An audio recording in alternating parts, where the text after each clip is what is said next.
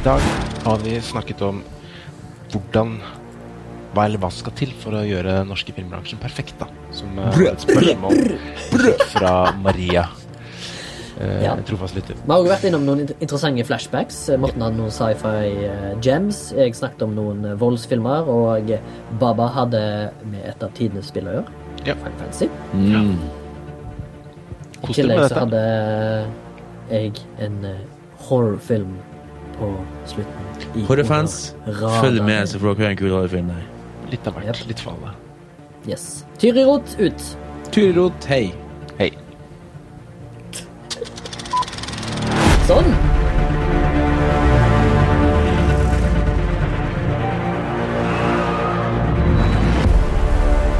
Hei, hei, hei, hei.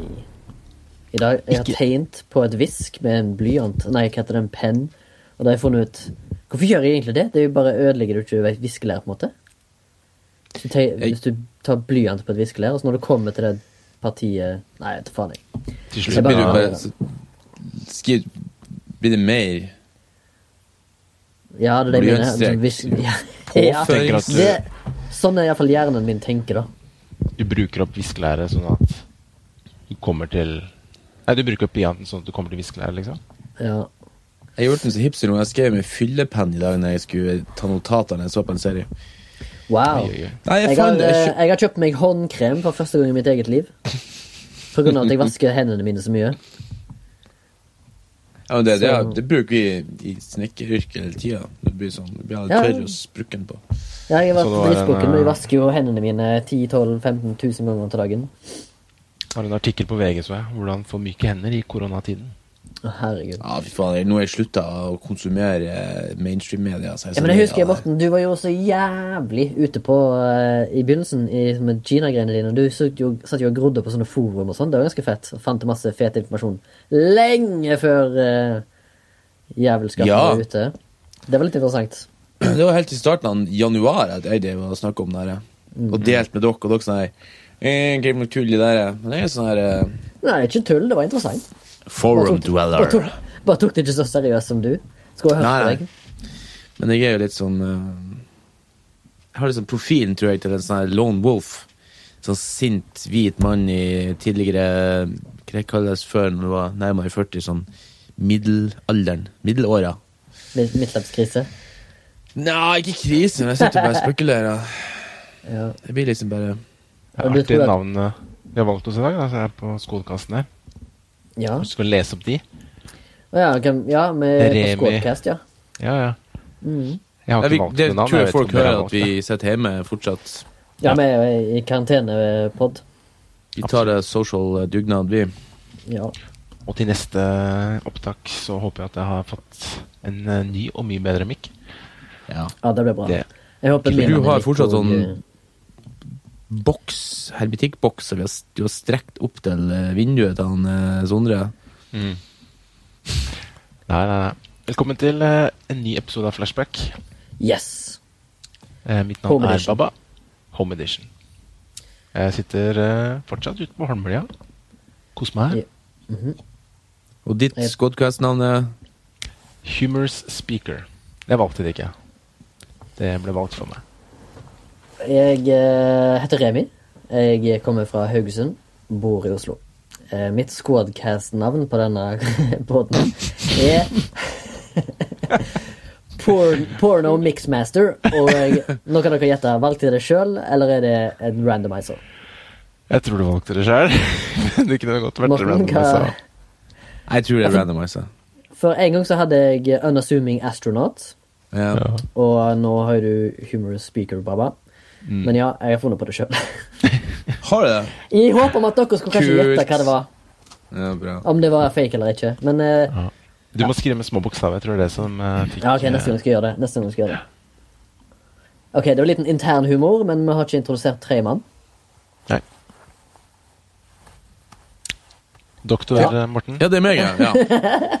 Eller som jeg har skrevet da Eller som jeg har Doctor, I, I know some stuff. Eh, ja, for i dag satt jeg og altså, har spekulert så lenge på noen sånn algoritmegreier um, i forbindelse med en av flashbackene mine. Så at jeg må- jeg følte meg så slug. Men jeg vet ikke. Eh, Morten Bjørndal fra Nordland. Bor i Oslo. Prøver å jobbe her. Permittert fortsatt. På hjemmekontor med folk fra Oslo som jeg har tilfeldigvis møtt på min vei. Du har Du folk hjemme hos deg som du tilfeldigvis har møtt? Ja, dere. Ja, her, ja. Ja, men jeg er ikke fra Oslo. Du er fra. Oslo. Nei, nei, men det var noen i Oslo jeg møtte deg. Ja, det var sant. Det er sant. Så da er du på en måte en fyr fra Oslo jeg kjenner. Tenk at, meg, tenk at vi tre er ganske nye venner. Mm. Ja. Det er litt gøy. Og kom ganske, ganske godt overens første gang vi møttes. Det som er sjukt, at jeg og han, Baba er nesten blitt gamle venner nå. Så lenge til Jeg syns det er litt sånn skremmende. Jeg, jeg satt og filosoferte over det i dag når jeg satt og testa ut det fyllepennen jeg kjøpte i Kroatia på ferie for noen år siden. Faen, tida flyr, altså. Hvor, eh, når var det du kommenterte YouTube-videoen min som var uh... Det var i 2012, tror jeg. Eller 2013. 2013 var det. Jeg tror vent møtte vent litt. i hvert Dere kan ikke bare nevne en YouTube-video som Baba har laga, uten at vi legger den ut i shownotes. Den er unlisted. Nei! Å, fy faen. Ja, den skal vi publisere. ja, men den er jo relativt ufarlig når du står Ja. opp og danser sånn her. Du liker jo å vise deg fram på Instagram Ja, du og danser og. Du, du, du og dama di er jo på Instagrammen hele tida, hjemmetrening og full pakke der. Det er jo helt konge. Dancing couple. Ja, Dette må vi vise. Ja, vi skal, vi skal klare å lobbyere lobbye den. Når jeg kom inn på Vesterdal, så drev jeg og søkte etter Så drev jeg og søkt etter sånn opp, For du måtte jo sende inn en sånn opptaksvideo. Ja. Så driver vi og skima nettet etter om det var andre som lagt ut sine. Så fant jeg noen folk og bare, jeg bare befriendet dem på Facebook. Og de bare sånn What?! Hva er det slags gæren uh, nordlending som driver og stalker oss? Ja, det var tøft, da, syns jeg. Hadde du turt Det det i dag? Ja, jeg vet ikke, jeg var så, jeg var så gira på en ny eh, Det var deg og Sabrina jeg husker for først, og så Nicolas. Mm. Um, og, så, og så sendte jeg melding til en fyr som jeg, pra, som jeg prata med, og jeg møtte på det her intervjuet, men han kom ikke inn. så han uh, tror han sletta meg som venn. Ja. Anywho. Syv år. Men artig, artig vi skal snakke om uh, Nevnte det med filmskole og sånt. Da, fordi vi hadde jo sikkert noen tanker om hva filmbransjen skulle by på etter at vi var ferdig på skolen. Og i dag så skal vi snakke om det spørsmålet som vi fikk av uh, vår uh, trofaste lytter Maria. Og prøve å se for oss hvordan en perfekt filmbransje ville se ut. Da. Hva måtte til for det? Hva syns vi liksom ja. må til for det? Men før det skal vi hoppe inn i noen flashbacks. Oh yeah. Jeg er du spent på- Det? Du er lenge siden du har begynt. Det er sant. Ja. Jeg har ikke så veldig mye flashbacks. Nei. Eh, Bortsett fra å sitte litt med Final Fantasy remake av syveren i siste. Oh. Det vel kanskje mitt, mitt, eh, mitt største flashback, da. For det, Det som ikke vet, ditt. altså et spill til PlayStation 4. Ja. Dette er jo da en en ny versjon av en klassiker fra 1997, tror jeg, hvis ikke det er feil. Japansk eh, action-RPG som heter Final Fantasy 7, lagd av Square Enix, som er også et japansk spillselskap. Eh, Det het Squaresoft før. Og er vel rangert som en av tidenes beste spill, vil jeg tro. Ja, den Eh. eh, klassiske eh, sjueren. Mm. Ja. I sin sjanger, ja, men jeg vet ikke om det er rangert som det beste. Men jeg ville vel også òg si at uh, det, eh, nei, ikke, ikke det beste, men jeg tror det ligger på noen sånne beste lister. Ja, ja, det er garra. det er vel det mest kjente spillet i Final Fantasy-serien, som nå er på hva, 15-16 spill. Mm, det er det. Så de har da jobba med en uh, ny versjon da, i siste Mm. fem Sikkert ti år, kanskje, men begynte vel ordentlig å jobbe med det for fem år siden, tror jeg. Når det kom på en sånn der tech-demo på en sånn eh, PlayStation-event. Men uh, det er veldig kult, og så langt så er det tar de for seg bare én del av hele historien, da, for det er såpass mye det er såpass stort spill, da, den originalen. Og nå har de på en måte på grunn av disse nye teknologiske tingene som vi kan Med grafikk og CJI i dag, så kan du på en måte se denne byen som heter Midgard, da, som er den startstedet i syveren, på en helt annen måte. Så de har liksom lagt inn mange nye historier, og du får se byen på en helt annen måte. Da. Så Hva tror det ble er naturlig at at de måtte det ekspandere. Hva tror du er grunnen til at byen heter Midgard? Altså at det er litt sånn norrønt, kan du si, inn, midt inni det? Tror du det er noe mm. eh, Hva skal jeg si, da? Dramaturgisk måte, eller, eller mening bak Bak navnet Midgard til den store byen? Det tror jeg. Jeg er litt usikker på hva Midgard står for i norrøn mytologi. Ja. Er ikke Midgard eh, der alle menneskene bor? For du har Åsgard, der gudene bor, og så har du Midgard, der menneskene Mm. bor. Det er ekvivalenten til eh, jordkloden, ja. Ja. Fordi, sånn som jeg har forstått det, eh, litt Den indre verden i midten står Midgard direkte oversatt først. står Mm. ja. Ja, kanskje det at eh, Kanskje det, det er jo en stor metropol, en sånn gigantisk millionby med flere Mm. lag, som er sikkert midt på planeten. Det er en verden inni verden, så det er sikkert det de tenkte. Ja, for det er jo en ting, det er verden inni en verden, fordi at du har overflaten, de, de som bor oppå Oppe, liksom, i space, eller opp forbi de fattige. På sånn plate, ja. Eller Ja, det er sånn plater som er over de fattige bydelene. Jeg husker jo det der spillet. Fy faen, jeg glemmer meg. Nå må jeg kjøpe en PlayStation 4. Ja, du kommer til å elske det. Jeg Jeg kommer- jeg tror du kommer til å digge det. 10 000 timer når jeg var liksom uh... Ja, og det er 10 000 cutscenes med masse story og karakterdevelopment, og liksom, det er digg, liksom. Ja. Og det er haugavis, haugavis med cutscenes for uh, du som elsker law og deep law og På en eller annen måte så minner det meg liksom litt om sånn Matrix-univers.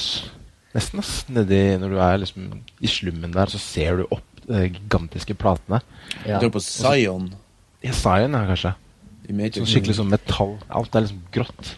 ja, det er litt sånn òg sånn som den eh, sci-fi-filmen til han Neil Blomkamp. Ja. eh. Med han Matt Damon. Elysium. Litt sånn aktig òg. Fordi Mm. at eliten og de rike og de som jobber for det der store corporationet, de bor jo der oppe. Ja. Altså det er noen som jobber for det, som bor i slummen. Sånne lavt betalte folk og sånn. Ja, ja. Og de får ikke eh, sett uh, virkelig sola, da. Uh, for de får ikke dratt ut. Så de har sånne der store Sunlands. lyspaneler som liksom skal gi sollys til de under. Da. Så det er, det er ganske interessant. Ja. Men uh, det må du teste ut, Morten. Jeg vet at Remi har kost seg mye med det. Så Ja, jeg Ja, som sagt så har jo spilt, eh, 15-16 timer deep, jeg, så I den originale, da, den første, liksom, eh, som jeg eh, Jeg så noen venner som spilte den for en stund siden. Jeg, jeg, jeg kunne ikke forstå hvorfor jeg levde meg så inn i det. Det er jo så dårlig grafikk. Jeg vet ikke, jeg er blitt så opptatt av det nå, liksom, at det må være god grafikk. ja. Men det kan jo også hende at det var bedre grafikk faktisk på sånne gamle TV, for det har noe med sånne gamle sånn CRT-TV eller hva faen herfra, og de blør alt litt sånn utover litt mer. ja. Men når du Men på den sånn tiden her, så var det jo bra grafikk. Ja, ja. Ja, men Også, eh, jeg gleder meg. Og musikken, da. Ja, musikken Og er Uh. Eh, ja, jeg kan vel gå over på min. Eh, jeg har eh, en kjapp en. Jeg har uh, kommet meg tilbake litt på min favorite director-kjør igjen, så jeg har sett eh, Green Room igjen, av Jeremy Saulnier. Det er vel kanskje femte gang jeg ser han. Og så tok jeg liksegøyt og bare så eh, den eh, filmen til han som spiller i Green Room og Blue Ruin, altså Macon Blair, har en Netflix-film som heter eh, I don't, wanna, I don't feel at home in this world anymore. Ah, det har jeg sett. Den er litt kul.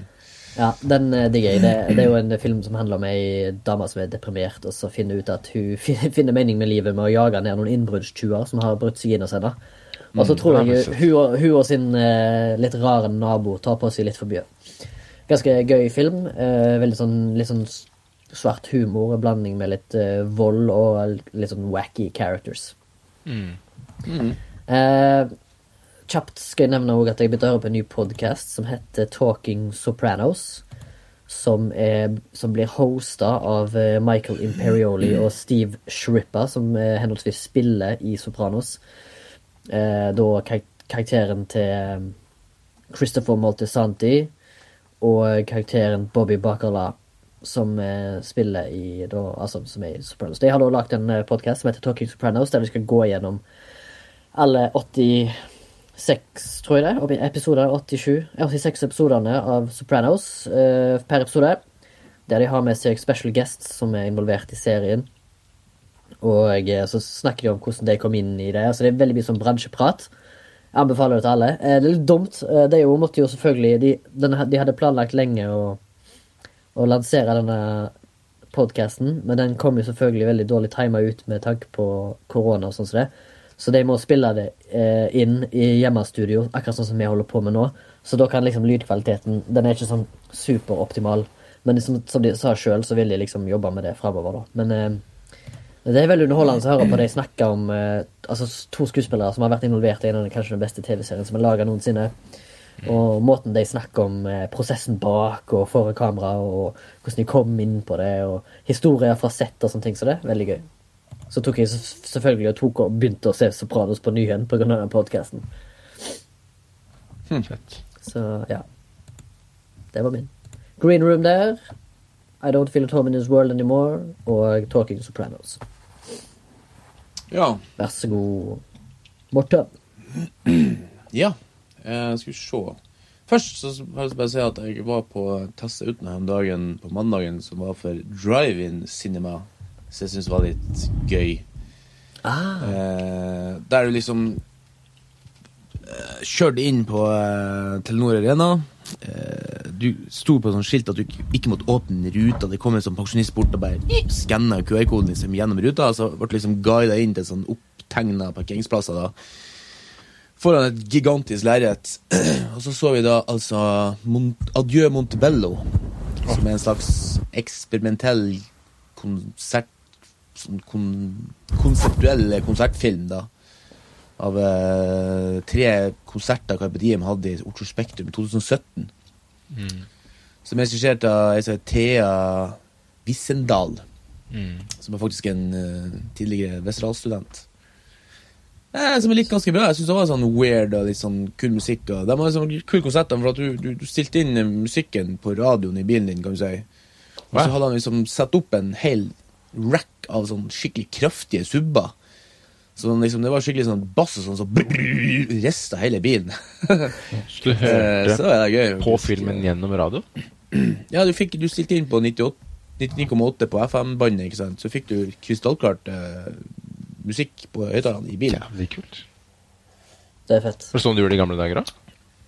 Ja, i gamle, gamle dager, så hengte du en sånn høyttaler bare i vinduet, ikke sant. Ja, på sånn brett. Mm. Ja, men tenk på sånn Men- gammeldags drive-in-kinoer i USA og sånt. da. Ja, du fikk Ja. utlevert sånn høyttaler, Interessant. tror jeg. Ja, det, Det, Det er gøy, faktisk. jo Thea det å jobbe faktisk med en uh, Handling the Dead nå, så er det en sånn, sånn zombiefilm fra Sverige. Det kan man alltid se. Ja, men det Handling of the Undead er jo basert på han, eh, han han, han Arvide. Han som har skrevet eh, la, den, den rette komme inn. Ah, Han har jo han har jo en bok som heter 'Håndtering av udøde'. Så Ja. det er sikkert den. ja, det heter den på norsk. Ja. Det, det gleder jeg meg til, fordi at jeg har en kompis som har lest den boka, han uh, syns den er skikkelig sær, særegen. Og han har satt bare og venta på at den skal bli film. Nei, den er kul, hun eh, Thea. Så jeg har jeg sett eh, to episoder, til episoder på Devs, Yes. og eh, konklusjonen da er at jeg på en måte falt mer ut. Nå vet jeg ikke om det er bare for jeg kommer skjevt ut med hele starten, men det, det er så mye sånn småtteri de irriterer tema på. For eksempel når to liksom eh, Det her er jo en spoilerepisode, eller dritten men ikke sant eh, For det første ser jo det der eh, Devs-basen ut som et svømmebasseng, og så er det med sånn stupebrett og vann og alt mulig. Det irriterer Ja. meg. Ok. Og så eh, Hva annet? Ja, det var ikke sant Når de skal liksom finne ut og sette knekk det der rare filmen av han kjæresten som dreper seg sjøl, så er det faktisk på eh, CGI-en. Altså, altså her sitter de på verdens største datamaskin, og så klarer de ikke å lage realistisk flamme. Altså, jeg syns hele det konseptet var helt idiotisk. Og så er det sånn her ah, altså, jeg, var Russia? Utdrag fra dialogen da De kommer til å drepe meg Da må du gå til politiet eller FBI Hører du ikke hva jeg sier? De kommer til å drepe meg Altså hun kunne ikke gå til politiet for at de skulle drepe henne. Det er jo helt det et paradoks hele den der dialogen Ikke sant? Så, så jeg, jeg føler hele serien på en måte rusha Og så og det var det jeg spekulerte på den algoritmen da. Hvordan kan en algoritme se tilbake i tid? Altså Ja, det, det, dataprogram. det er jo det som er sci-fi-aspektet med serien, da. Jo, men sånn når du Jeg tenker jo sånn For at det andre serien jeg har sett nå, som jeg kommer til å ta opp etterpå, som jeg mener er bedre, da Han har satt et sånt i et sci-fi-univers. Altså, Devs er, er nesten ikke sci-fi, for det finnes kvantumcomputere nå, og det finnes algoritmer. Så tenk sånn, Når du legger det i et univers som er nesten ekte, så må du holde deg liksom til Derfor, men det, kan godt hende at det er noe Når man har lest noe data på det, hvordan man skal gjøre det. Men så tenk sånn Hvis at du kan beregne utfall potensielt sett i endeløst Altså hvis du har en kraftig nok datamaskin, så er det en sånn, husker ikke når vi gikk på videregående, så sa han det at du kan faktisk beregne hvordan en stein skal dette ned i fjellsida. Sånn, For at du har en action og en reaction. ikke sant? Så når en stein treffer en kant, så vil vinkelen blæng bestandig være 45. Bla, bla. Hvis du, kan, hvis du hadde nok datakraft, så kunne du regna det ut i hvordan han traff ned. Så begynte jeg å tenke sånn, jeg vet at det, den tanken er at de skal beregne eh, lysfotonet sin plassering, sin forrige plassering, hvis du skjønner hva jeg mener. Ok, lysfotonet kom herfra, da måtte jeg treffe den, blæng, blæng, blæng, og så, brrr, og så regner de ut liksom alle gangene liksom, lysfotonet krasja og fører den tilbake, liksom, potensielt sett. Hvis du skjønner hva jeg mener. At på den måten kan de se tilbake i tid, for de egentlig bare spør tilbake lysfotonene. At det var men, Kan jeg bare babbel, men Ja, det vet du ikke, for det, det, er jo, det er jo Er ikke det quantum computing de holder på med? Jo, men altså, det er jo bare en måte å crunch numbers på. Og Altså, det, virker, og det virker jo som om han eh, Forrest Hans heil, Hele hans liksom motivasjon for å gjøre dette her Det er jo noe som har skjedd i hans fortid. Det, det innser du jo. Han er jo en sørgende person, sant? Jo, jo, jo. Nei, men jeg tenker bare på teknologien bak den, for at en algoritme er en algoritme, så du sitter inni en kontomaskin. Ja. Den bare er raske, jeg kan regne ut flere nummer, og ja, men det har kanskje noe med det lysgreiene dine å gjøre, da. At de kan kalkulere lys tilbake i tid, hvordan det har beveget seg og sånn. Basert på jordskorpa. Ja. I don't know. I Og don't den know. serien jeg så etterpå, da, jeg så to episoder, bare tenkte sånn, nei, det, jeg vet ikke hvorfor, men det er noe med leveringa også. Jeg klarte, jeg klarte ikke å leve meg inn, for helt ærlig. Så så jeg Nei. første episode på Tales from the Loop, som er basert på en bokserie av en som heter Simon Stålenhag, en svenske, som i sin tid, i 2014 laga en bok som het Things from the Loop, og i 2016 uh, Things from the Flood. Som, er, um, som har laga sånn parallelt univers, da, som, er, som har sånn her sånn low-fi sci-fi, så jeg elsker liksom. Han har lagt handlinga til 80-90-tallet Sverige med verdens fineste som lys. Jeg kan anbefale å følge han på Instagram også, for han tar de vakreste bildene med lys og sånn. Stå om Simen har der, altså. Stål... Vi legger det sikkert i shownotes, uh, Baba. Uh, Ja. Og det er en sånn skikkelig sånn sl En rolig science fiction som har sånne rare element, og helt fantastisk. Jeg har sett første episode, men det er fantastisk leveranse av de skuespillerne der som jeg ikke har sett før. Eh, som jeg eh, bare Det ble solgt meg inn, sånn, som jeg bruker å si han Baba. Da, liksom. Jeg ble liksom søkt inn med en gang. Visste at den hadde kommet allerede. Faen, det var kult. Og det er litt interessant, for det er sånn Ja, den er på Eh, Amazon. Amazon jo- Prime. Ja, Amazon Prime, ja. Det er liksom åtte episoder og åtte regissører på første sesong. Det er litt interessant, for det er liksom sånn Ja. Historiefortalt fra gang til gang, da. Og det er liksom han en som heter eh, Tim Mielant, som har liksom laga det her, eh, vært med på Peaky Blinders, er med, og så Judy Foster har en episode, og ikke minst siste, Andrew Stanton himself har regissert en episode. Så, så jeg tenkte sånn, jeg leste det, så ble det helt ble det, Men jeg leste i ettertid, men jeg ble ganske gira på det. Og første episoden er skikkelig sånn at du blir faktisk emosjonelt Er det sånn antologi, at det er hver så episode rolig og har en egen handling? vakkert og Hæ? Er det sånn at hver episode har en egen handling, eller er det en eh, rød tråd gjennom alt? Ja, det er rød tråd, men det er hver egen handling. For det er bare om alt det Ja. rare som skjer i forbindelse med sånn forskningseksperiment borti USA. liksom. Ja. Shit, enten så er det mitt Men det veldig nett, slow. eller så er det ditt nerk. Men du detter ut ofte, Morten. Men det er sikkert bare mitt nett. Dette er ut. Du, nei, du detter ikke ut, men du liksom legger. Ja, ja. Jeg har bare good network på min PC. Jeg hører det, men jeg ser at videoen henger litt etter. Ja, det er kanskje det, da. Ja. Men uh, det la jeg merke til med Devs, at der er jo Alex Galand Da sjekker du ut? Regi og Regi og manus på alle episodene. Ja. ja. Så det Det er jo Hvem er det? Er det Alex Garland sjøl? Alex Garland sjøl, ja. som har gjort alt, Ja. da. Og det er jo både positive og negative ting ved det, da, men du får jo veldig ja, jo syn. Hvis du er jo det på din egen sjef og ingen Sesongen. Ja, men der var det jo fortsatt to, da. En som skrev, og en som hadde regi. Her har jo han begge deler. Ja. Så ja, jeg tror det er ganske heftig. Skal ha tunga beint i munnen for å få det til, iallfall. Ja, og du skal være jævlig flink òg. Pro produsere så mye materiale. Shit. Hvis vi kan gå inn på eh, Mortens folkeopplysning, så kan jeg, eh, kan jeg få lov til å uh, hijacke det på slutten av din. Jeg hadde noen news som jeg tenkte jeg skulle nevne i flashbacken, men jeg har glemt det. Men det passer meg egentlig bedre inn i uh, Mortens folkeopplysning. Lights, action! Mortens folkeopplysning! Jeg var ute og fyra bål i, i Det er litt sånn alternativ, Mortens. Jeg ble så lei av det filmgreia.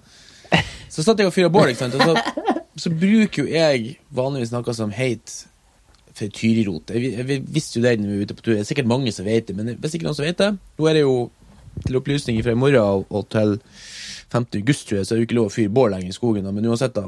Det er veldig sånn fin Jeg, jeg går forbi ei gammel furu, så bruker jeg å skjære av de nederste døde kvistene.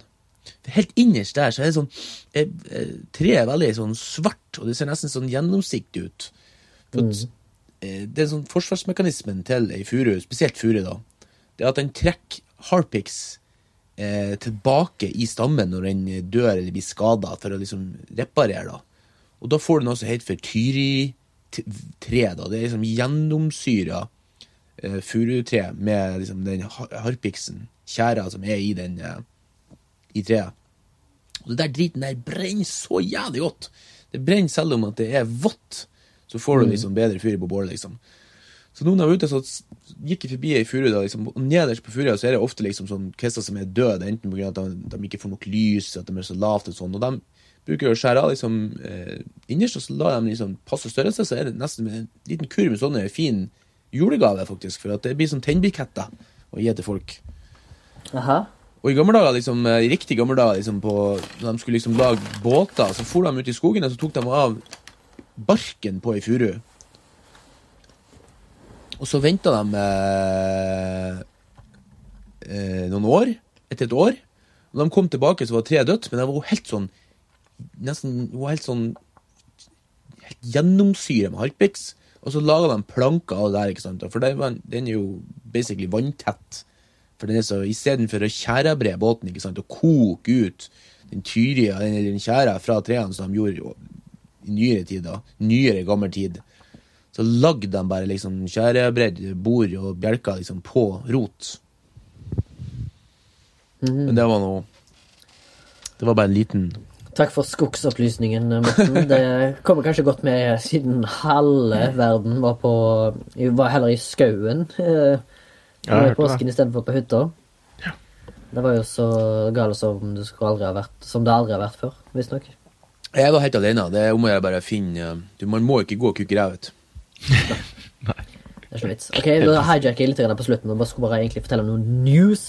Jeg var da Jeg hadde jo sett disse her filmene mine som jeg sa i flashback. sant? Min flashback, Ja. det er altså Green Room og, og det greiene der fra Jeremy Saulnier. Og så tenkte jeg han må jo, han må jo lage noe nytt nå. For han, det siste han gjorde jeg vet om, det var to, de to første episodene i True Detective sesong tre. tenkte jeg han må jo finne på noe nytt nå. Og det har jeg funnet en nyhet på.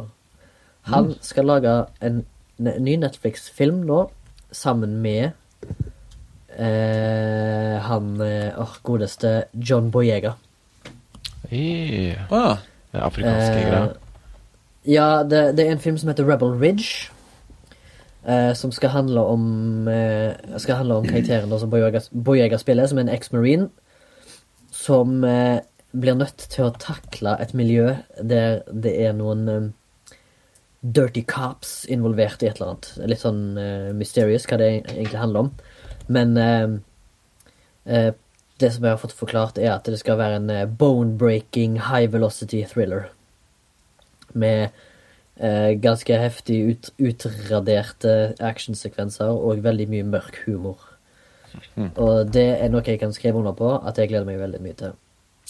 I tillegg så droppa de første bildet, iallfall per denne skrivende stund, om, av eh, den nye Dune-filmen til Denis Villeneuve. Der du fikk se et bilde av Timothy Chalamet som sto på ei strand, og så var det noe, noen ominous looking uh, things som hang i skyene bak, kan du si, eller over i lufta. Veldig interessant. Jeg har ikke tenkt å se så mye om denne filmen, men den skal etter planen fortsatt ha premiere i år, i desember 18. Det er lenge til ennå, men jeg eh, skal den ikke se noe trailer på den. Altså. Jeg skal, jeg skal, da skal jeg Da skal jeg dykke inn i det universet, helt Ja. Faen, jeg gleder meg. Uh, Jeg har ikke lest noen av bøkene heller, jeg. men jeg har husker jeg har Nei, spilt spill eh, Jeg har spilt de sånne der Red Alert-aktige spillene. Det var det eneste.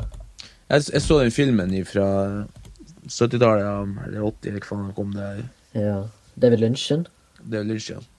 Ja.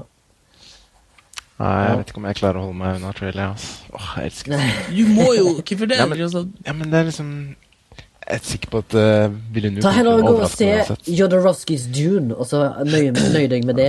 Baba. Jo, men ikke sant, jeg, jeg tenker ikke på plottet. Jeg tenker på det at liksom, den samme grunnen til at jeg ikke så traileren på den Star Wars, den nye Star Wars, når jeg fortsatt hadde trua på at det skulle bli noe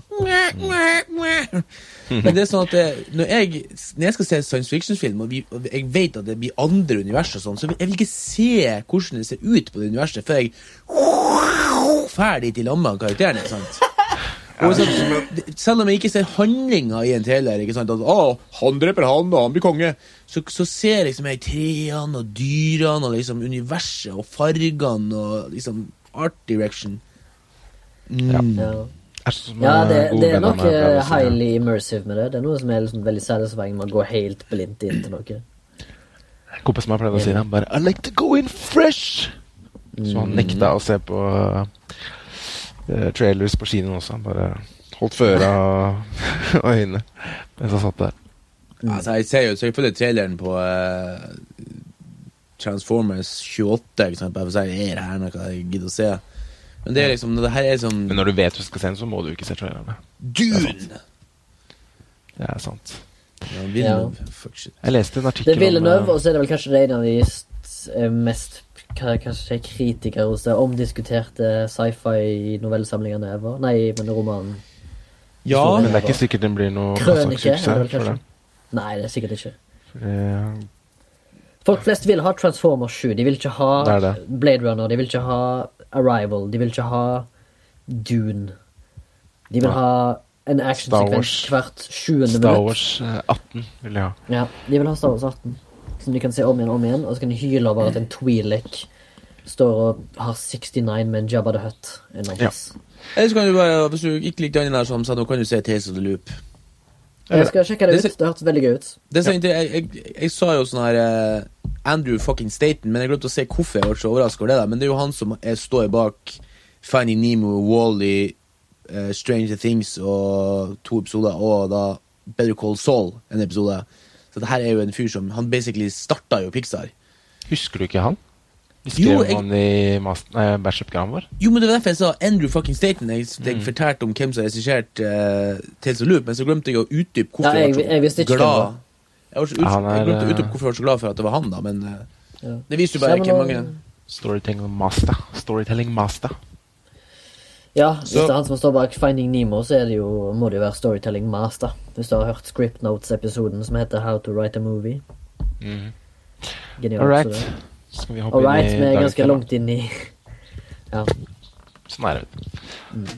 Men lenge siden sist, gutta. hva Hva må til for at denne filmbransjen skal bli gåsehud perfekt? Og det gjelder for så vidt ikke bare Snakker jo for Norge, men det gjelder, kan tenke meg at det gjelder alle filmbransjer i verden. For vi gjør som så, så, så som sier det samme. Det er liksom midlertidig ansatte som blir hyra inn. Work for hire, på en måte. De fleste av oss. Ja. Jo da. Men liksom, hva skal du ha, da? Jeg føler liksom, Hvis det skal være sånn at du skal bli ansatt på et filmhus som kontinuerlig lager film, så blir det sånn propagandamaskin à la Third Reich, liksom, eh, aktig. De hadde vel sine egne faste filmskapere som sikkert jobba fast. Ja, Hva må til for deg, Remi, for at du skulle på en måte hatt ja, det- sånn perfekt, da, det- perfekte liv ved å gjøre det, det du driver med?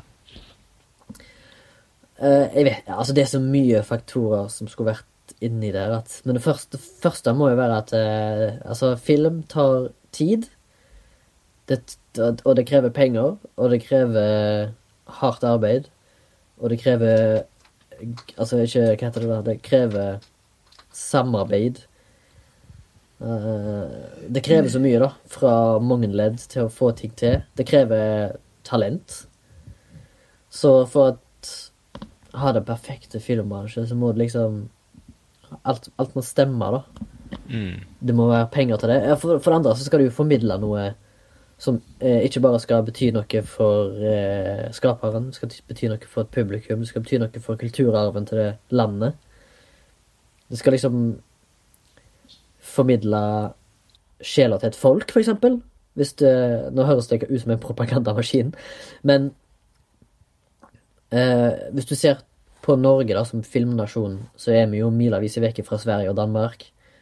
Vi har eh, Ikke at det er noen standard, men vi har én film som er nå registrert på The Criterion Collection, mens Danmark og Sverige har titalls. Eh, så jeg vet ikke. Vi har jo penger, men vi har jo liksom ingen Men er det det du savner? At vi lager bedre filmer? Jeg tenk, eller eller hva tenker mer med for altså, deg? jeg, jeg, jeg føler? For min For for, skal, skal vi gå personlig? Ja, det? Ja, da må det jo være, da må det være kontinuerlig eh, oppdrag å ta. Jeg tror det er det så må det Maria i tillegg etterspør. være Ja. Vår egen personlige. Ja, det må være nok oppdrag å ta i. Og det må være interessante nok oppdrag. Og det må være spennende nok. Det må være stimulerende nok. Arbeidet kan ikke være monotont. Eh, Det må være tilrettelagt for at du kan stige i gradene. Det må være tilrettelagt for at du kan prøve nye veier. Eh, Prøve andre ting. Eh, Det må tilrettelegges for at kompetansenivået heves hele tida og kontinuerlig blir bedre og bedre og bedre. Og som sagt, det må være, legges ned nok tid i forarbeid, planlegging, manusskriving.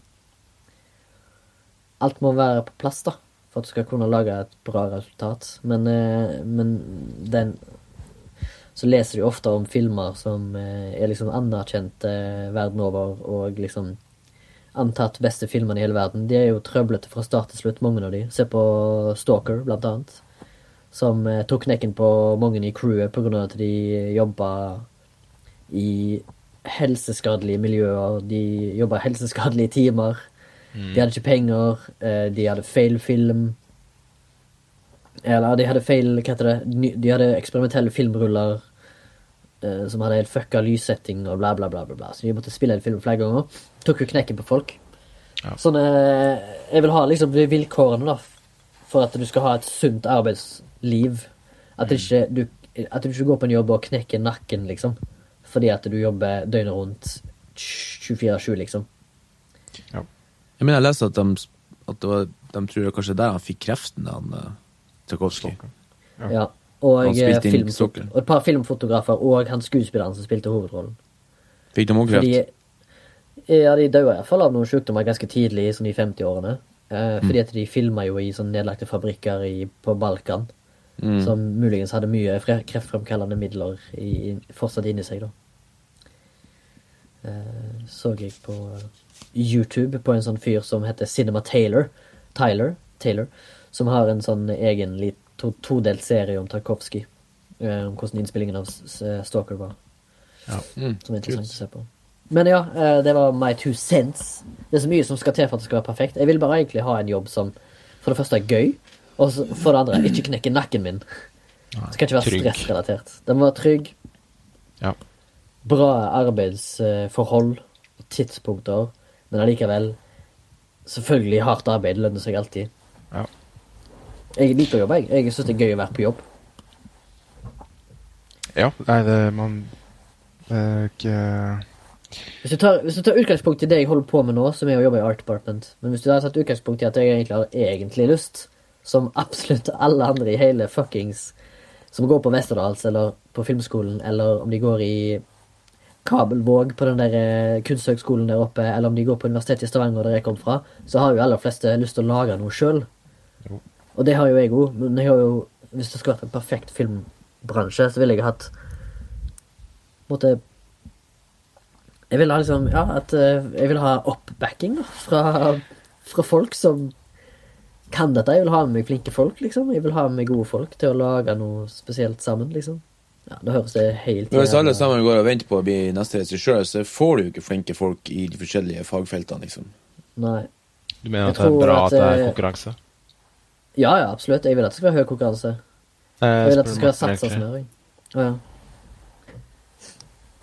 Du, vil at, du syns det er bra med konkurranse, Morten?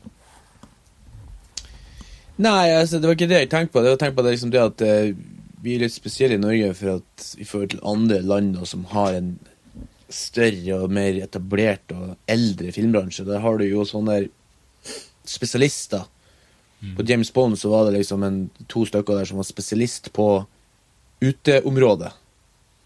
Altså dress uteområdet med tre og stein og snø og grus. Det var det eneste de gjorde. og De har gjort det i Det var vel tredje generasjon eller noe sånt som gjorde det. Så de var jævla gode, da, men ikke sant? de hadde De var blitt eksperter på sitt felt. Og det er veldig få eksperter i Norge, liksom. Det er da i hovedsakelig kamera og lys og lyd der vi har eksperter, for der er det så godt betalt. Og de, når folk først kommer seg inn dit, så kan de jobbe masse, sant. Men når det går på eh, art, altså art department og, og faktisk manus òg, og alle andre holdt på å si, feltene under, produksjonsassistenter, koordinatorer Alt det her er til produsenter, føler jeg. De er litt sånn her happy go lucky, cowboy. Ja, du har sikkert eh, gjort noe før. Bare kom i lag med oss, liksom.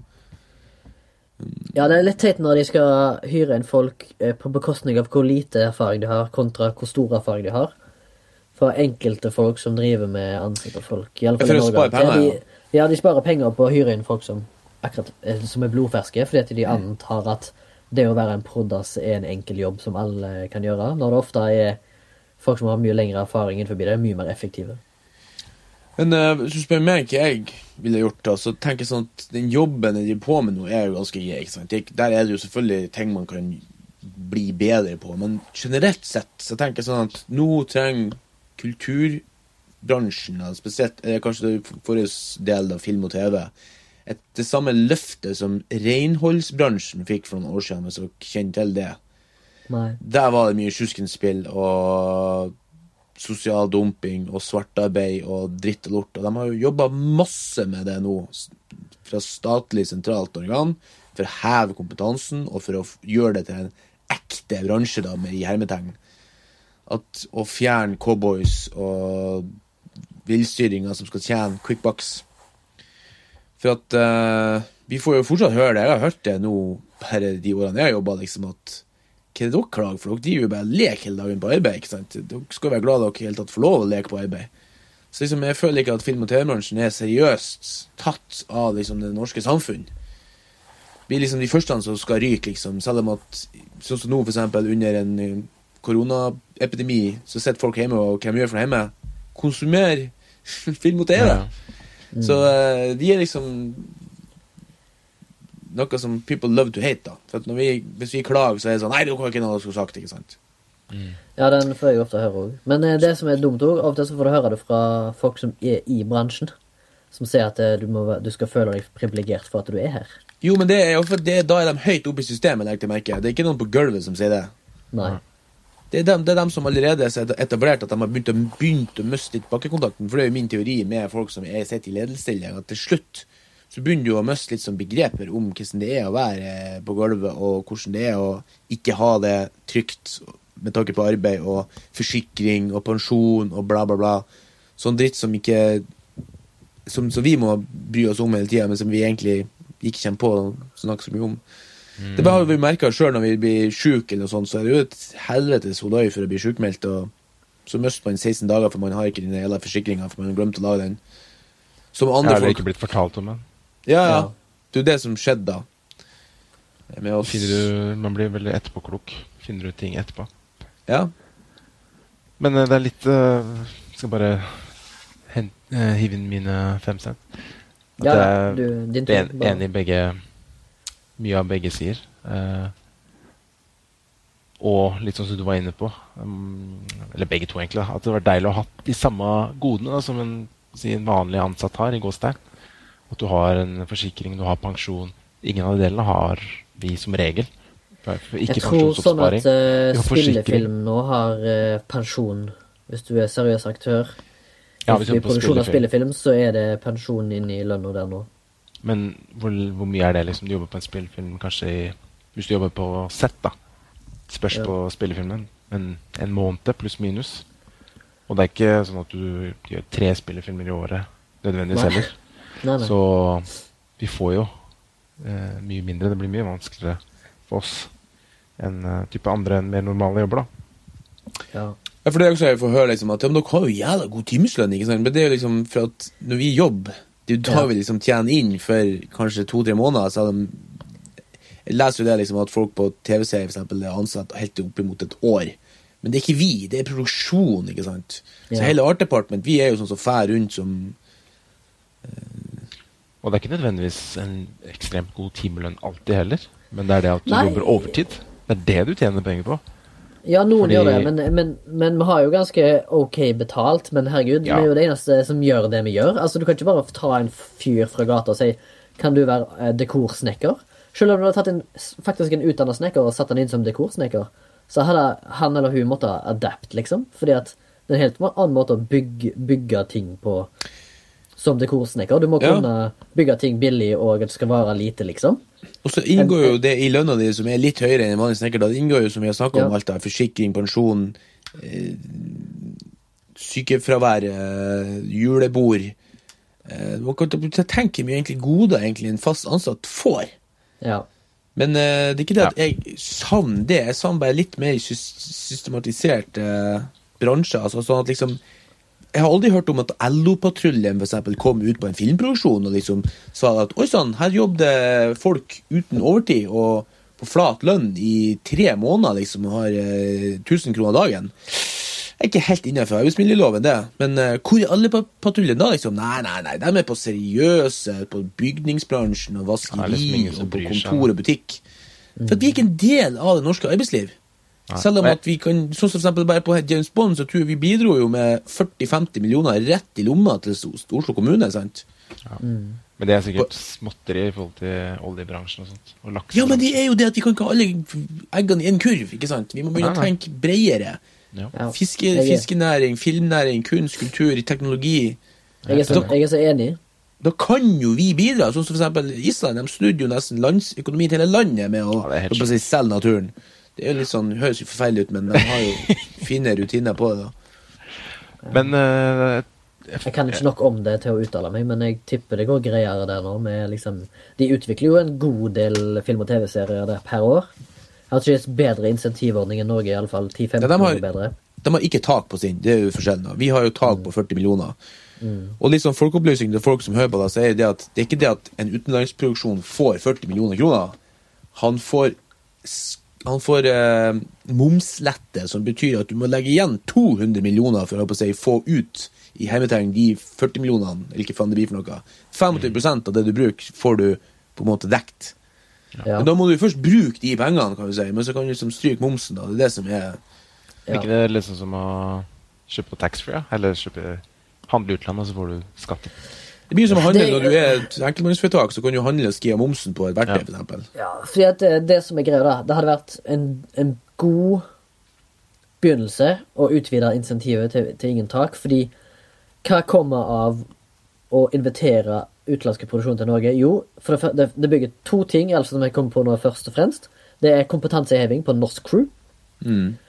Og det vil øke betraktelig i filmturisme.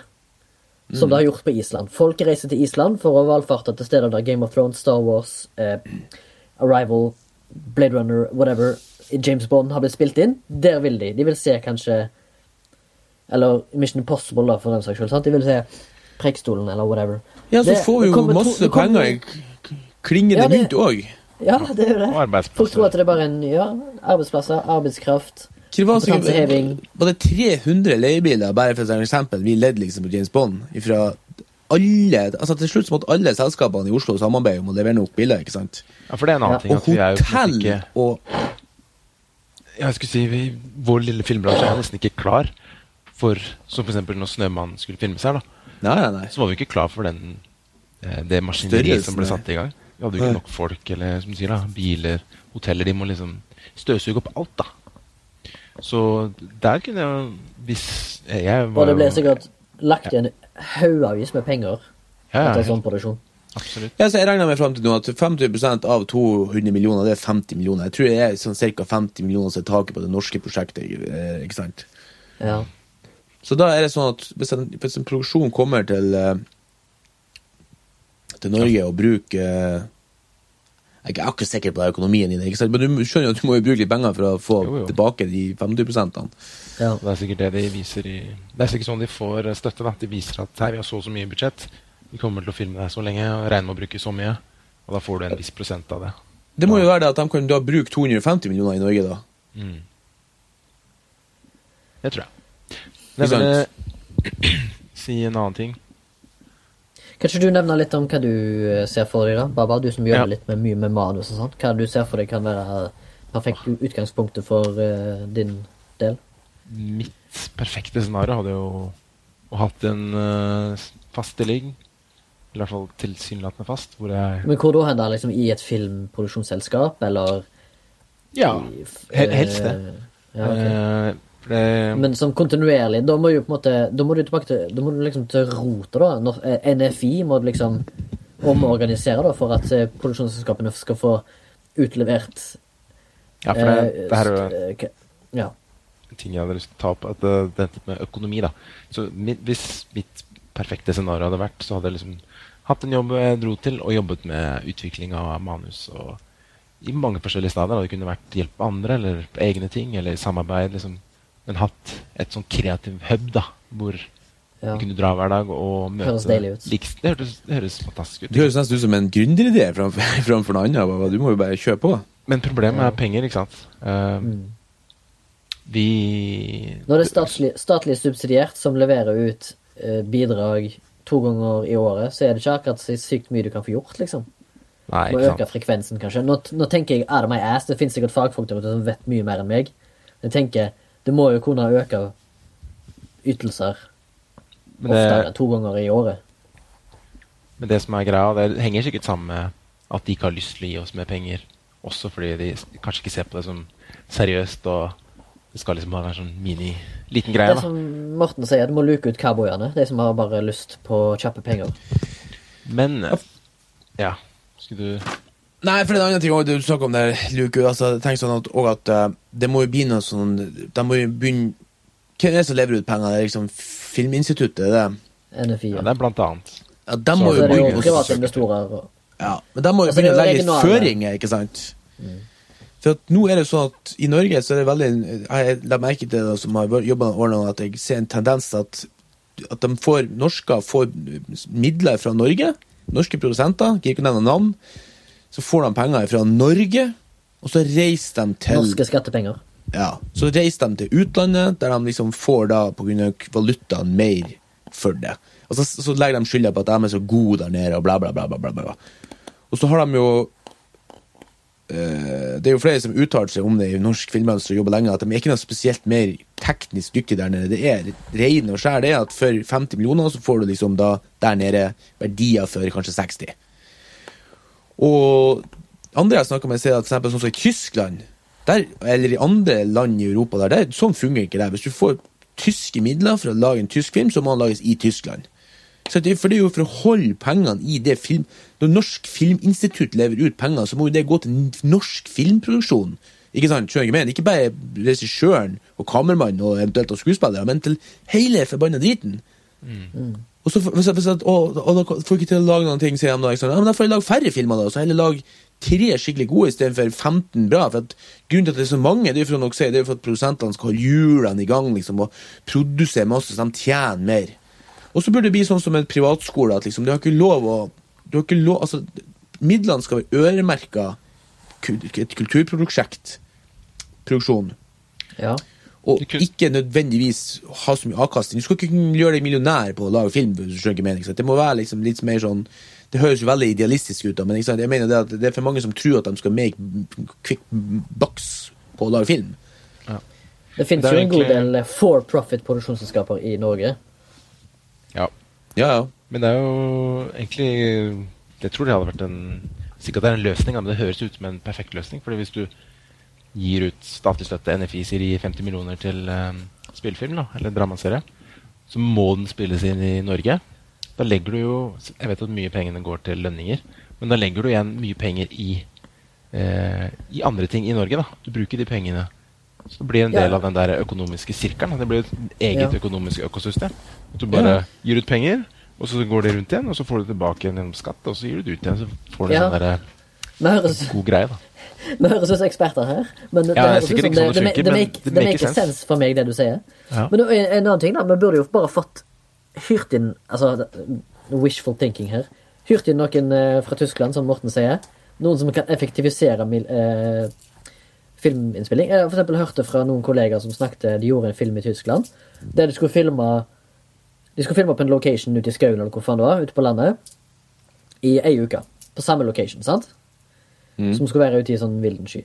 Og eh, det som jeg sa, i Norge, da, når du skal filme ut i La oss si en halvtime ut forbi Oslo, eller en uh, fucking en time ut forbi Oslo, så kjører du en time én vei, filmer, kjører en time tilbake. Mens det de gjorde i Tyskland, det var at de kjørte en time én vei ut på landet. Så parkerte de alle bilene der, der som var. Og så på Når folk skulle hjem, så var det crew-taxi, eller crew, altså buss. Buss, og, så ja. hyrte, Ja, ja. Og, så, og så hyrte de inn et ve- vekterselskap som holdt nattevakt. Ja, men det her er ikke noe, det er ikke noe nytt. Nei, Her er sånn som alle. Ja, men det her er sånn som alle entreprenørene gjør, og har gjort Ja. siden tidenes morgen. Jeg har jobba i entreprenør Ja. i ti år, ikke sant? og det er, Ja, det er ja, sånn vi gjør det. Ja, Vi de gjør ikke de gjør ikke det i Norge. Og hvis det er langt nok, så setter Ja. de opp en brakkerigg, og så ligger du der. Ja.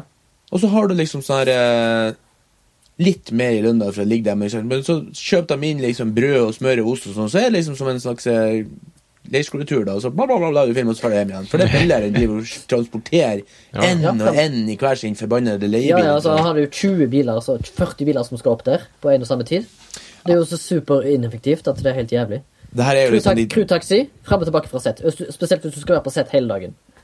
Ja, det her er liksom detaljnivå, da, men jeg er helt enig med liksom, du som han sa, han, sjefen min han sa at vi skulle jo egentlig du skulle hatt, vi skulle hatt noen profesjonelle logistikkansvarlige i enhver produksjon. Det skulle vært som et krav. Ja. At det kom en så, for det er jo- Koordinatorer eller logistikkfolk. Mm. For det er vi eksperter på. Det er jo altså oljebransjen. Hva kan du tenke deg hvis du skulle sendt en sånn filmkoordinator utover til en sånn oljebransje. Oljeplattformen har jo gått konkurs til første dagen, liksom. Oi sann, eh, skulle dere ligge her en natt til? Ja, det visste ikke jeg. Ja, da må jeg bare legge dere på det luksushotellet, for jeg har glemt det helt bort, liksom. Ja. Skal jeg, skal jeg bare si de tingene ja, herregud. Meg og Morten notert meg? Prater jo som noen foss. La meg fullføre denne set, trin, trinaden her. Du har så lav lyd, det er derfor du detter ut. Men Vi dominerer deg. Men ene tingen jeg savner, er jo økonomisk trygghet. da. I hvert fall nå, i dag, min situasjon. Ja. Så det var deilig, på en måte. Jeg har den usikkerheten. Det syns jeg ikke er så kult. Jeg elsker det, liksom det jeg jobber med, men den usikkerheten gjør det vanskelig. da. Ja. Eh, så hvis jeg kunne hatt en fast jobb med fastlønn, hadde det vært digg. Eller om det var mulighet for en slags sånn borgerlønn til frilansere eller midlertidig ansatte. At du hadde en, et sånt eh, støtte da, når du ikke jobba. Mm. Eh, og sånn jeg ser problemet, hvis du skal se på helheten som en slags business, da, en bedrift, er jo at vi ikke det er ikke, no, det er ikke nok penger som kommer inn gjennom produktsalg eller noe sånt, ikke sant, for å opprettholde et øh, lønnede ansatte gjennom hele året. Eh, vi selger jo ikke et produkt som gir kontinuerlig strøm av økonomiske midler. Eh, vi er jo avhengig av NFI, og da blir det, det fører dessverre til at det ikke blir nok faste jobber til alle oss. Så vi blir sånn der eh, work for hire, da. Og det medfører også at de midlene som kommer da fra NFI, som ikke er så mye, jeg tror ikke de kommer alle likt til gode.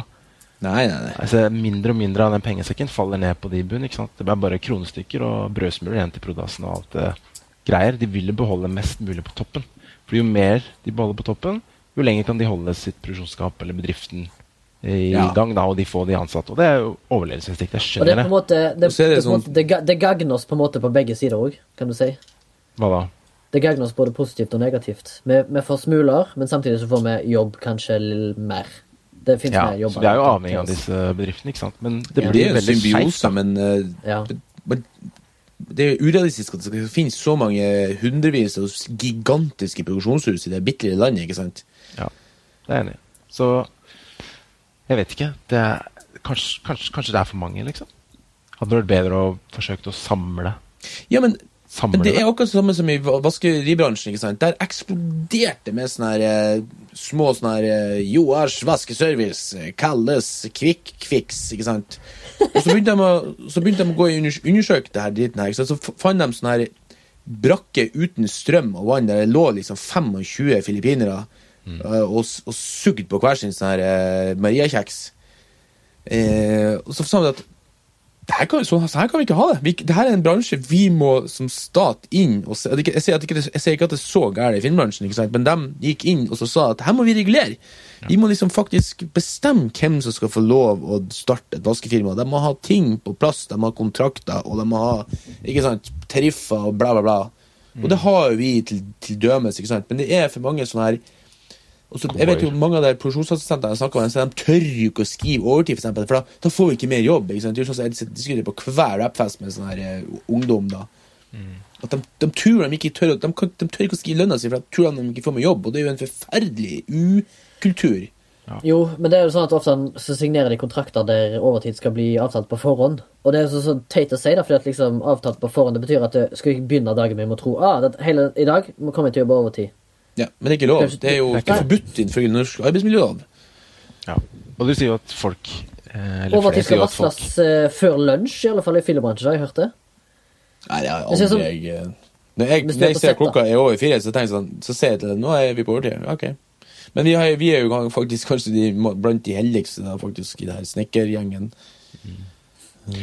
Men uh, Ja, men det er sånn at jeg har vært på jobb en gang og til, og så skal jeg uh, ja, Ferdig klokka fire, og så ja. Ok, men du må levere bil etterpå, Remi. Ja ja, men eh, da blir klokka fort fem. Halv fem, kanskje. Og så sier jeg, ja, men du får, du får ikke overtid i forarbeid. Ja vel, men da må jo jeg dra klokka 15.30, da. Nei, du må være her til fire. Ja, men jeg får ikke overtid. Nei, nei. Så Ja, det jeg helt sånn, Da får du leve bilen sjøl, den banna dust. Ja, det var ikke Nei. Dust som sa det, da. Det var personen jeg liker veldig godt. Så, Ja, men og, og hun eller han eh, har jo uh, muligens uh, fått beskjed om å, at jeg ikke får lov. At... Jo da. Vet du hva jeg har hørt en gang? At jeg kunne ikke få overtidsbetalt, for jeg var så ny på prosjektet. herregud. Først måtte jeg være der en stund altså, og, og bli, litt sånn kjent før jeg kunne få overtidsbetalt. Og så, og så, Jeg tror og så ikke det fikk heter vi ikke overtid, det på heter en- provisjon. da. ja, og så fikk vi ikke overtid på en søndag. Jeg tror faen det her var i mai. Det var en sånn helligdag over alle helligdager. Så sa jeg ja, det, var, det har vi avtalt med de andre, så det har jeg ikke hørt en dritt om. Jeg skal ha overtid på det her søndagen. Ikke? Det var en eller annen sånn tydelig dag. Da fikk de jo totalt noia, for de har avtalt med alle produksjonsassistentene. De skulle ikke få noen ting da. Så det, det var før jeg kom inn, så jeg visste ikke det. Og tenkte sånn, fy faen, det her er jo også det her, altså det, det var også en sånn en koordinator da, som liksom var kul, da, som du har sånn jobba med før. Men ok, de blir pusha til å gjøre ting, men de blir jo pusha til å bryte loven, tenker jeg. Og Jeg det- tipper det det, er så mange, eh, det er så mange prodasser der ute, altså produksjonsassistenter, som har så mange gode historier at vi burde, eh, når vi kommer oss tilbake til normalen, burde vi invitert en eller, en eller annen inn i studio som kunne fortalt uh, horror stories. Ja, vi eh, kunne jo Fått. Ja, men vi kunne jo fått laga en sånn sendt rundt en sånn bok, og folk kunne skrevet inn i sånne anonyme historier. Ja, Det hadde vært gøy. Jeg har hørt om folk som har gjort Pussa opp leiligheter og sånn mens på produksjonspenger òg. Jeg har, hørt om folk, jeg har hørt om folk som har vaske bilene til produsentene og sånn. Ja, jeg har eh, jeg har sett etter ba- jobb og sett barnevakt for produsenten sin barn, da. Det har jeg hørt. Ja, det er mye, mye skitt ute og går, tror Så jeg. det um... Og det er garantert noen som sier at liksom, folk ikke kan bli rike, men eh, det er, jeg tror det er flere som sitter på ganske gode penger. Altså. Ja, det er sånn. jeg tror, det er flere Jeg har hørt om eh, produksjonsselskaper i, denne, dette landet her som har eh, glemt og betalt regningene sine, som har gjort at eh, andre bedrifter som eh, de har benytta tjenester av, har gått konkurs, blant annet, har jeg hørt. Ja, på filmskolen så lærte vi det at, hørte vi dem sa at i gamle dager var det helt vanlig at produsentene og regissører i norsk film bygde hus først, altså et bolighus, og så laga de en film på det som igjen. ikke sant? Så det har, det har vært enda verre før. Er det sant? Ja, ja, ja, det, og det, vi fikk høre både navn, og det var enkelte av dem som måtte betalt litt tilbake, men uh, han gamlisen som jeg snakka med, han sa det var nesten alle hus til regissører på den tida, prosenter, det var bygd på skattemidler. yes. Så eh, sånn sett har det blitt litt bedre, ikke sant. Men jeg tenker sånn, det må bare liksom Det må liksom bare inn i det, det virkelige liv. Ja. Det er nesten sånn Det er litt sånn synd òg om at liksom, når du tar deg jobb, så må du liksom gå nesten ofte med hatten i hånda for å be om ting. Som er helt vanlig standard hvis du har hatt fast arbeid. Ja, ja. Sånn som du sier at du må krangle på overtid og timer, og hvis du må jobbe en lørdag eller søndag, så skal de krangle på det òg. Ja, men sånn, ok, men hvis ikke jeg får lov til å jobbe denne lørdagen eller denne søndagen, så blir det ingen filming på mandag. Det blir ingen filming på mandag. For det første så har dere ikke hyrt inn nok folk Nei, det er jo helt også gjør, den, gjør, gjør den jobben vi skal gjøre, så da må jeg jobbe overtid sammen med de andre for å få dette her til å gå rundt. Ja. Ja. Har vi avbrutt deg igjen, Baba? Hadde du noe du skulle sagt? Nei, jeg fikk egentlig sagt det jeg ville. Uh, siste tingen var vel uh, uh, ja, jeg bare tok et spørsmål liksom, hvordan man løser eventuelt et sånt problem. At man ikke har noe å selge. da.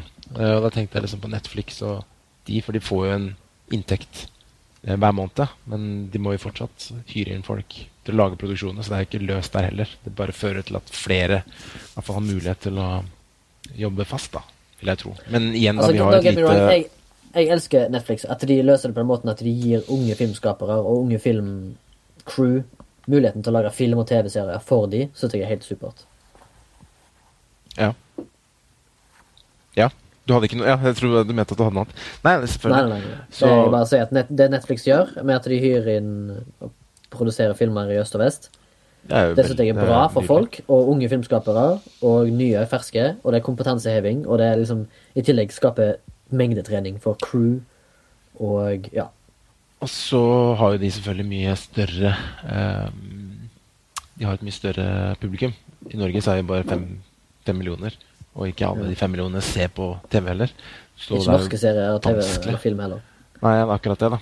Og jeg vet at de tjener litt på salg til utlandet også, men jeg aner ikke hvor de pengene blir av. Jeg er ganske sikker på at de går tilbake til produksjonsskapet. Ja, investorer investorer som skal ha return on investment. Det er mye rart. Ja. Så fordelene og ulempene med det livet vi lever nå, da, er jo, syns jeg, at jeg, gjør selvfølgelig noe artig, noe gøy, og møter er nye utfordringer og sånt. Og så har jeg mer frihet og fritid som regel, da. Mens ulempen er jo at jeg har mye mer usikkerhet og mindre penger å rutte med Også. Så det blir et lite sånn paradoks, da, fordi jeg har hørt at f.eks. de som jobber så mye at de ikke har frihet, da har du jo masse penger, men hva skal du bruke på hvis du ikke har noe frihet til å bruke det? Kos deg med det, da. Men på den annen side, Ja. hvis du har masse frihet og fritid, så får du ikke gjort all verdens ting heller uten penger. True. Så det er Løsninga er å innføre litt kommunisme i demokratiet. Jeg- Alle sammen der, har ja. borgerlønn. Alle sammen får litt, bare for å være en statsborger. Mm. Og så bidrar du da fortløpende. Først som, som de har gjort undersøkelser på, liksom 97% av befolkninga vil egentlig jobbe. Mm. Men uh, Ikke med hva som helst. Ja, men de har, de har til og med fått folk til å jobbe eh, som egentlig ikke er som altså uføretrygda, med å gi dem liksom konstant lønn. For da kunne de gradvis begynne å gå ut og ta sånne småtterier. Det gir jo en følelse av accomplishment når du føler at du gjør noe.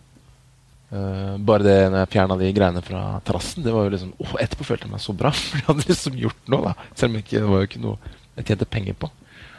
Men uh, det er bevist at når du ikke har noe å gjøre, så blir du jo depressiv og psykisk skada av det. Trenger noe stimuli. Ja, det best å synes at det er pengene som avgjør alt. Det er veldig synd. Så hashtag kommunist. Skal endre navn til neste gang. Ikke humor speaker, men kommunist. Nei, ikke kommunist. Det har vi jo fått masse eksempel på at full-blown kommunism er ikke så bra. Så var det veldig bra da. En demokratisk kommunist. Men i framtida, at vi får en artificial intelligent til å styre oss, da, da er jeg for kommunisme. At, at alt av valg og styring blir overlatt til en, en overseer. Og så må vi ikke la oss påvirke av sånne science fiction-grøssere der liksom at de på død liv skal ta livet av som algoritmer, for det er bare tull. Jeg vil, eh, eh, altså, jeg vil eh, Jeg er litt enig i det dere sier. Litt kommunisme. Hvis vi tar vekk all den sensuren og propagandaen og nasjonalismen som ligger bak det. Ja, men det har ikke noe med, det har ikke noe med, det har ikke noe med kommunisme i seg sjøl å gjøre. Det er de idiotene som av en grunn kommer til makta hver gang, som har med å gjøre. Ja. Ja. Kommunisme handler jo bare om at alle sammen skal ha, ha noe. De skal, du skal ikke, noen skal ikke være på gata, ikke sant? Mm. Og så hvis du blander inn litt demokrati, blander inn litt kapitalisme, sånn at liksom de som kjører søppelbilen, får litt mer penger, det syns jeg de fortjener. Ja, ja. Eh, De som står hele dagen på sykehuset og hjelper oss, oss lærere og sånn, de burde ha mer penger. Absolutt. absolutt. Også- Folk som jobber på, i butikk, burde få mer penger. Og sånn på vi som driver og leker på hermetegn lek. Jeg kunne, jeg kunne lek, gjerne er lek. Nei, nei, men jeg sier hermetegn. ja, ja. Jeg kunne gjerne hatt litt mindre lønn hvis jeg hadde hatt det sånn som Baba sier, trygt og steady. Jeg kunne gjerne hatt litt mindre lønn hvis jeg kunne hatt en tryggere arbeidshverdag. Og Mm. litt mer, da hadde jeg hatt litt mer økonomisk frihet til å kunne gjøre hva jeg vil. Litt mindre lønn sånn lønn at i det- sånn pullevis, men liksom mer fast utover. ikke sant? Ja. Så jeg Ja. visste at det kom inn litt grann hele tiden, liksom. Og det var Ja, at, vi, for meg. at du visste at det alltid var noe der til deg. Ja. Men samtidig Baba, så er det jo en jævlig stor uh, turnover i bransjen. Eh, hver, hvert år så utdannes det 500 nye medieelever som skal inn i bransjen. Og det er selvfølgelig alle som ikke kommer inn, eller det gir mersmak når de først kommer inn, så er det mange som hopper av på veien. Og det er veldig høy utskiftning i bransjen. Fordi folk, sånn som det er nå, så er det i heftige perioder der det er mye arbeid, over veldig korte perioder, og folk blir utbrente, og de blir stressa, og de slutter. Ja, det er Eh, Det er mange, det er mange jeg eh, begynt, Når jeg begynte i bransjen, så er det mange jeg vet som ikke jobber i bransjen lenger. Fordi at de, de rett og slett er drita lei av å bli revkjørt, eller Det er jo litt av grunnen til at jeg ikke er så fan av produksjon på sett. Fordi jeg syns det er så mentalt slitsomt da, og psykisk stressende at uh, jeg trives mer i forarbeidet hvor det på en måte er Det der toget har ikke begynt å kjøre ennå, samme hastighet. Så eh, jeg skjønner det godt. Ja. Det, det er ikke for alle. Uh, Men det er en dårlig unnskyldning da, å si at det er ikke for alle, for det bør jo ikke være helseskadelig. Nei, det bør ikke være helseskadelig i det hele tatt. Det skal være Jeg, jeg sier ikke at det skal være privilegium, men det skal iallfall være gøy. Og det skal være kreativt. Du skal, være, du skal bli på en måte utfordra rent kreativt. Og du skal gi stimuli, liksom, for Jeg vet- ikke. Et arbeidssinn, da, kan du si. Ja. Altså, det er jo Folk sier at det er en tullete drittjobb som egentlig ryker først, men det er jo egentlig ikke det, som Morten sa i begynnelsen her. Når det først shit hits the fan, og folk må isolere seg hjemme, hva er det de trenger da for å få sin egen stimuli for å komme seg gjennom hverdagen? Jo, det er underholdning. Ja. Det er brød og sirkus til folket, holdt jeg på å si. Det var som jeg snakka med en, en god kompis om at eh, han jobber med IT. da. Uh, Ja. Når jeg liksom har nevnt disse bekymringene rundt liksom, «Ah, jeg vet ikke helt hva vi gjør, jeg synes det er så vanskelig og sånt, så, så sier han liksom det samme, at uh, måte, den jobben du gjør, er jo jævlig viktig. fordi når vi, på en måte, som han, da, er ferdig på jobb, så trenger vi den underholdningen. ikke sant? Vi må ha noe å gjøre på fritiden vår. Vi, Ja. Jeg jobber jo for å ha fritid. Du skjønner? Mm. Så det er jo litt uh, behagelig å tenke på, da. Liksom man, uh, Ja. Det, er, det er ikke verdens viktigste jobb, men den er litt viktig. Sånn, Den er viktig. I samfunnet holder seg oppe. Da. I hvert fall sånn som det er nå. Så Og det er jo spesielt å jobbe i en sånn liten bransje som på en måte bruker så mye penger òg. ja. Men uh, vi, er, som, eh, vi har eh, voksesmerter. eh, Ja, Eller, ja, absolutt. Det som Ja. en eh, kollega, kompis av meg en gang sa eh, Det vi gjør, vi har basically en statssubsidiert hobby. Ja. Eh, men jeg vil ikke akkurat si det på den måten, da, men jeg vil heller si at det er mer eh, et spesialisert kreativt yrke. Hva var med sport og idrett og musikk og Jo, det kunst Ja, det kommer jo kom jo inn under det samme. Musikk synes, og kunst og sport. og idrett. Jeg syns ikke vår bransje er noe annerledes enn enn de andre tingene som ikke nødvendigvis selger så, så mange produkt. Altså, du kan si sånn, at, eh, Summen musikk- av produktet til en skiløper det er jo et VM, ikke sant? Der får alle publikum. Ja. Og så er det sponsorer, da, hvis du er Northug. Jo, men det er for at alle sammen skal se at han har på seg jævla trusa med det merket på. Det er jo samme med en film. Vi er mange folk som kommer i hop, og så blir det ett produkt. Og det, Ja. det der er nøkkelen. ikke sant? At det er liksom, Kanskje ikke vi kan forvente så stor økonomisk avkastning av et kulturprodukt i framtida. Vi, må begynne liksom å- vi må begynne å vurdere liksom, Det høres jo veldig sånn idealistisk ut, men, kanskje vi må begynne å vurdere faktisk hva som skal generere så heller stor pengeflyt, og hva vi skal med alle forbanna pengene. Og Det er jo noe som mener på at NFI må begynne å eh, gi ut mer midler til kommersiell film for å prøve å selge billetter. Eller få folk til å gå på kino, liksom. For å gen kanskje generere inntekt for produsentselskaper og eh, investorer og kanskje Jeg tror ikke det er løsninga. staten, Fordi staten. Nei, nei, men bare en liten gren av det, da. De har jo gjort NFI har jo den der Nye Veier, som gir ut midler til lavbudsjettfilm og mini-cruise og sånne ting som det. Der gir ut et maksimumbeløp på sånn åtte millioner. Eller, Ja. eller kriteriene er at budsjettet på filmen skal ikke ha overstige åtte millioner. Og da har de en sånn egen gren. Sant? Og så har du hoveddelen NFI, de deler ut midler til alt. Og så kunne du hatt en sånn egen gren da, som heter kommersting.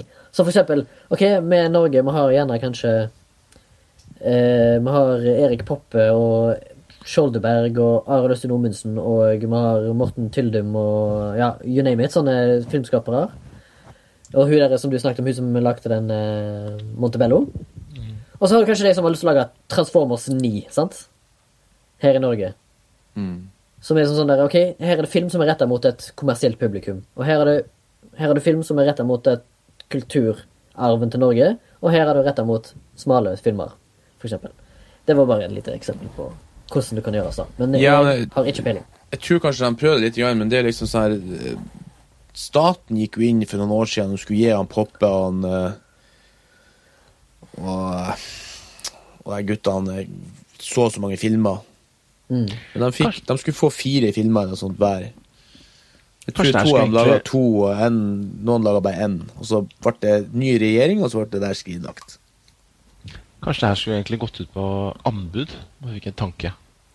At istedenfor at det sitter noen på NFI og bestemmer hvem som skal få støtte, at vi skattebetalere skulle vært med å liksom ut fra en pitch eller sånn salgsdokument eller et eller annet, har vært med og velge ut hvem som på en måte får gå frem med sine prosjekter. da. Ja, da, da tror jeg du får sett mye rart. Ja, men da, ja, det er en idé, Baba, men jeg tror Det idé. samtidig at uh, da kommer jo på en måte storytelling-elementet fra Hvis det kommer fra liksom én person, da, så kommer det jo fra et folk. Da blir det jo plutselig et sånn eh, Hva heter det? Uh, film by committee, sånn som for eksempel Star Wars. Ja, det At det er liksom en sånn komité som har lagt ned filmen. Og da blir det kanskje litt sånn innholdet, men hvem som på en måte skulle få det. Ja, jeg skjønner ikke hva du mener. At, liksom, at vi skulle kunne ha større innflytelse Ja, ja. på Ja, for det er ikke alltid jeg er enig i at Eller si Jeg har ikke noe vondt mot noen, da, men hvis du ser resultatet, tenker faen, hvorfor, hvorfor fikk denne filmen Hvorfor er denne til, liksom? Skulle gjerne vært med å, i noen uh, valgprosesser. Det hadde vært artig.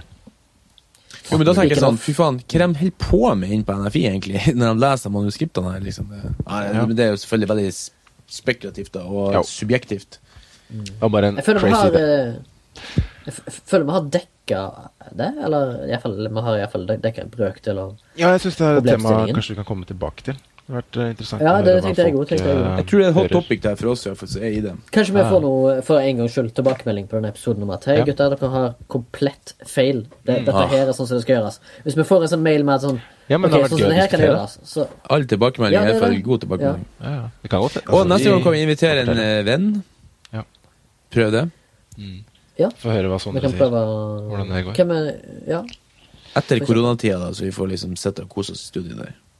ja, det hadde vært digg. Kopp kaffe, litt glass vann, kanskje Oi. øl på Morten der. Ja, ja. Kanskje få opp eh, kjeftemanget hans litt. Jeg kan ta med eh, Under radaren, eller, Ja. Remi?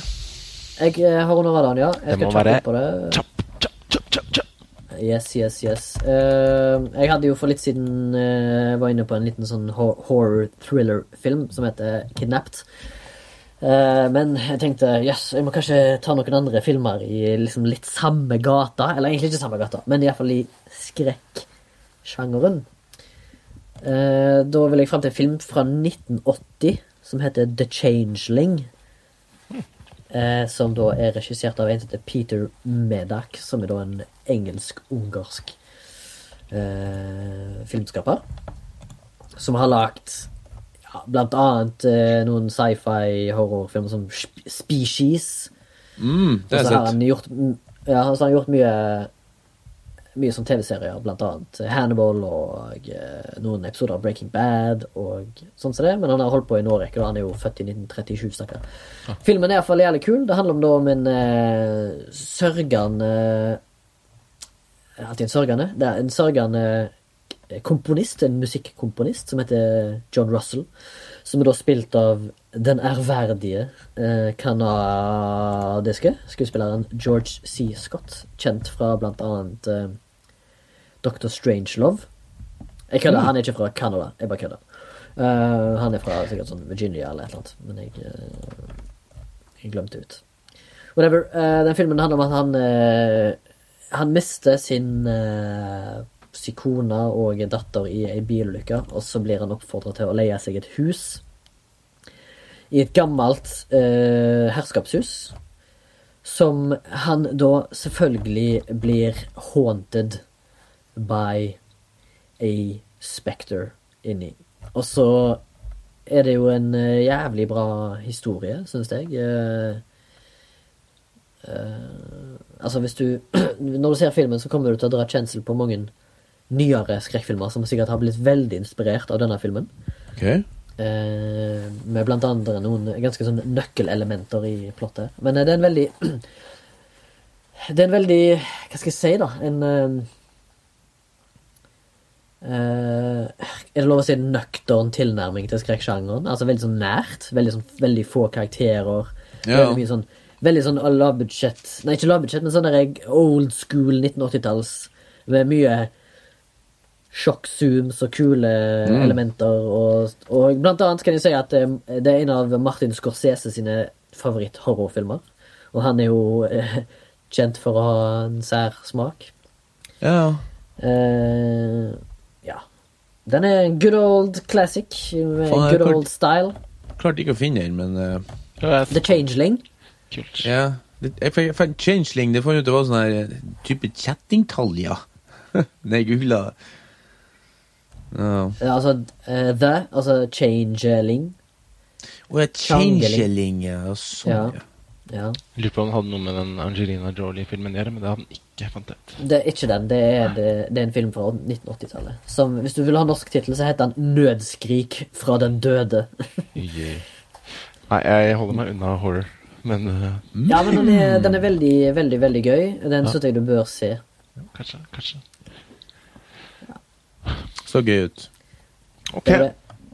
Uh, denne podkasten er produsert av Soundtank. Og vi sitter fortsatt hjemme. Vi er ikke i deres nydelige studio.